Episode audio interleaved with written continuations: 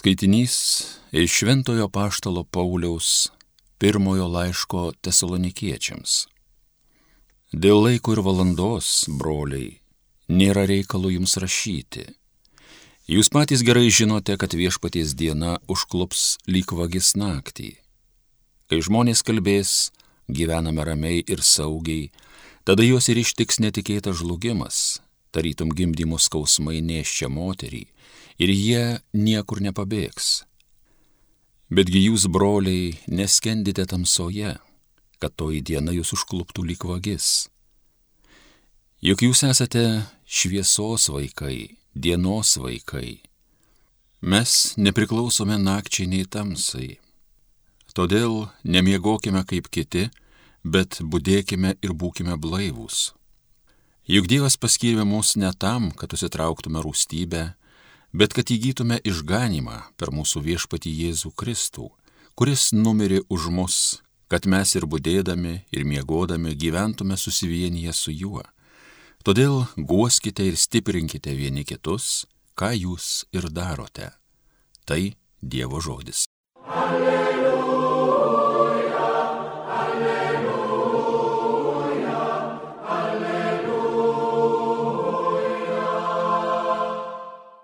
Tikiuosi pamatyti viešpaties gėrį toje šalyje, kur gyvybė. Viešpats mano šviesa, gelbėtojas mano, ko man bijotis. Viešpats gina mano gyvybę, ko man drebėti. Tikiuosi pamatyti viešpaties gėrį toje šalyje, kur gyvybė. Labiausiai iš viešpaties trokšto, to vieno prašau, kad viešpaties būstė gyvenčiau visas savo buvę dienas, kad patirčiau viešpaties palankumą kad jojo šventovę lankyčiau. Tikiuosi pamatyti viešpaties gėrį toje šalyje, kur gyvybė. Tikiuosi pamatyti viešpaties gėrį toje šalyje, kur gyvybė. Tu viešpaties lauki ir vyriškai elkis, turėk tvirtą širdį, viešpačių remkis. Tikiuosi pamatyti viešpaties gėrį toje šalyje, kur gyvybė. Alleluja.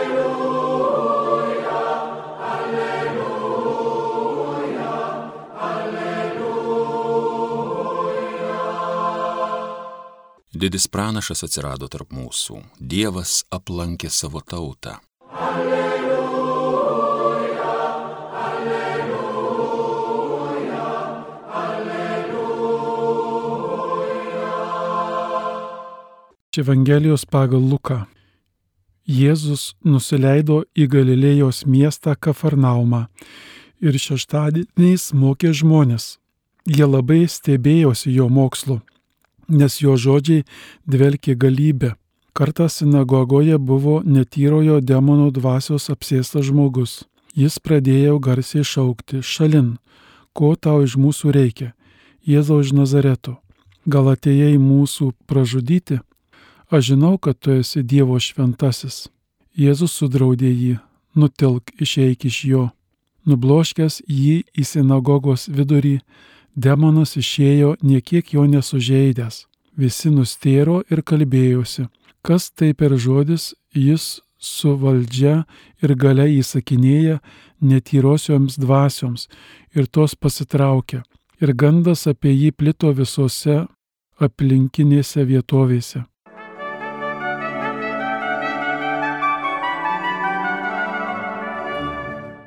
Mėly Marijos radio klausytojai, nekarta girdėtą pasakymą Dievo žodis mus maitina. Kaip galėtų ši Evangelija vėl galbūt daugam girdėta kartų arba įvykiai su Jėzumi, kai kurie panašus, kaip jis švaro demoną iš žmogaus, bet mes vis iš naujo ir iš naujo kviečiami priimti Dievo žodį, pamaitinti sielą ir protą ir mūsų gyvenimą, mūsų tikėjimą. Taip pat galbūt esat girdėję tokį pasakymą, teiginį, žmogui neužtenka tikėjimo, reikia ir meilės. Ir velniai tiki, ir velniai tiki, kad yra Dievas. Ir šioje Evangelijoje ta, ta piktoji dvasia per žmogų sako, aš žinau, kad tu Dievo šventasis, Jėzau iš Nazareto. Tačiau velnės nemyli. Todėl tas tenginys dar kartą mums primena, kad tikėjimas be meilės jis pasilieka toks tuščias ir ta garsioji korintiečiams Pauliaus laiško meilės gimno tema meilė, tikėjimas, kad ir koks jis būtų be meilės, jis yra niekas. Pastarosiomis savaitėmis, kai, kai tokiu jaunavedžius laimino jų santuoką, kažkaip gera buvo paskaityti, kaip popiežius Pranciškus kalba apie himną meiliai, tarsi bando visą tas meilės savybės dar konkrečiau paaiškinti, pasakyti, ką reiškia. Pavyzdžiui, ką reiškia meilė yra kantri. Ir ta e, išvertus dar labiau į mūsų kasdienybę, meilė kantri tai reiškia, kad mes kviečiami mylėti kitus netobulus ir save netobulą. Nereiktų meiliai kantrybės, jeigu būtų tobulumas. Jeigu būtų tobulumas, turbūt tai bus tik danguje, kur liks tik meilė ir jau ten nereiks meilės savybės kantri. Tačiau ant žemės jos reikia. Meilė kantri tai reiškia, kad kasdien mes kviečiami mylėti kitus netobulus ir save netobulą. Ir Dievas mus myli netobulus ir Dievo meilė kantri. Jis myli su visom mūsų dovanom, tačiau ir su visais mūsų paklydimais ir su vis, visais mūsų charakteriais, kuriuos mes viens kitam sunku pakelti. Tikėjimas be meilės ir jis lieka niekas. Ir šiandien iš naujo, tai girdėdami Evangelijoje, jeigu sakau, kad tikiu Dievą, tai iš karto savęs klausiu, ar myliu Dievą, ar myliu žmonės, ar myliu netobulus žmonės. Evangelija taip pat iš naujo mums padeda nustepti Jėzumi. Nustepti Jėzumi ir, ir iš to Evangelijoje šiandien yra viens kitas žodis, kuris mums galėtų padėti Jėzumi nustepti.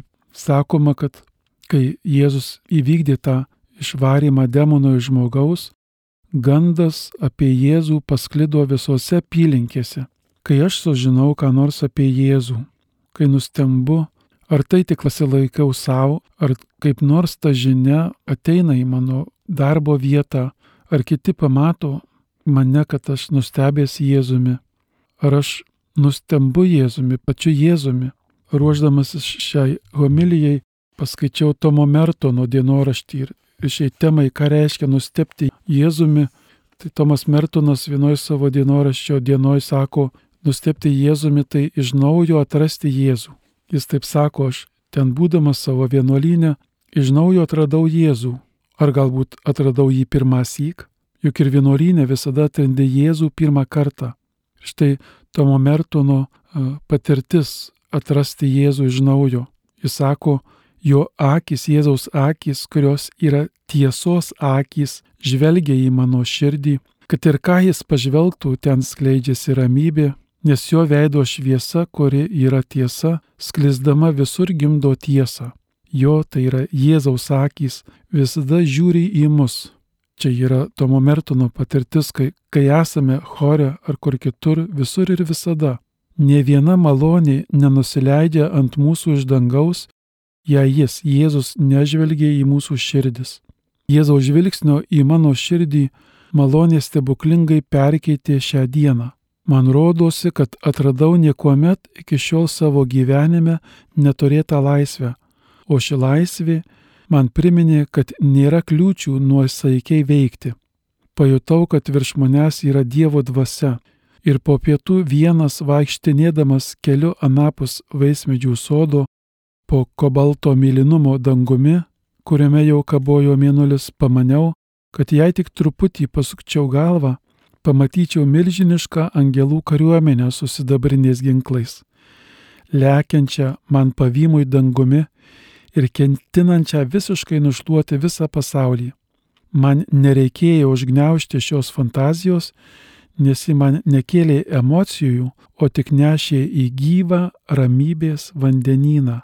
Ir visas pasaulis ir dangus skambėjo nuo nuostabios muzikos, kaip neretai man dingojosi šiomis dienomis. Tačiau sėdėdamas vienumoje sodo namelio mansardoje ir žiūrėdamas į tarp plikų gluosnių spindintį upelį ir tolimas kalvas maščiau, kad niekada nebuvau taip arti mano tėvo Adomo rojaus sodo. Mūsų rojaus sodas yra Kristaus širdis. Nustepti Jėzumi. Iš naujo atrasti Jėzų savo kasdienybėje, savo darbe, tarp žmonių, kuriuos šiandien sutiksiu. tarp savo vienatvės aplinkybių. Jis gyvas Dievas, Jėzus, kuris kažkada tai įsikūnijo žmogumi ir toliau pasilieka žemėje kiekvienam iš mūsų galimybė jį iš naujo patirti. Ar turi tokį troškimą? Patirti iš naujo Jėzų, sutikti iš naujo Jėzų šiandien, patirti jo meilę, kad mano tikėjimas auktų ne vien tik tai tikėjimo jėga, bet ir meilės jėga. Kad mano tikėjimas vis labiau meilę stiprindamasis, meilę žmogui, meilę netobuliems žmonėms, meilę netobulam savo pačiam, vis labiau artėsiu į dangaus patirtį, kur nereiks kantrios meilės, bet ant žemės šitos malonės nepavarkim prašyti duok Jėzau, duok Dievę kantrios meilės. Amen.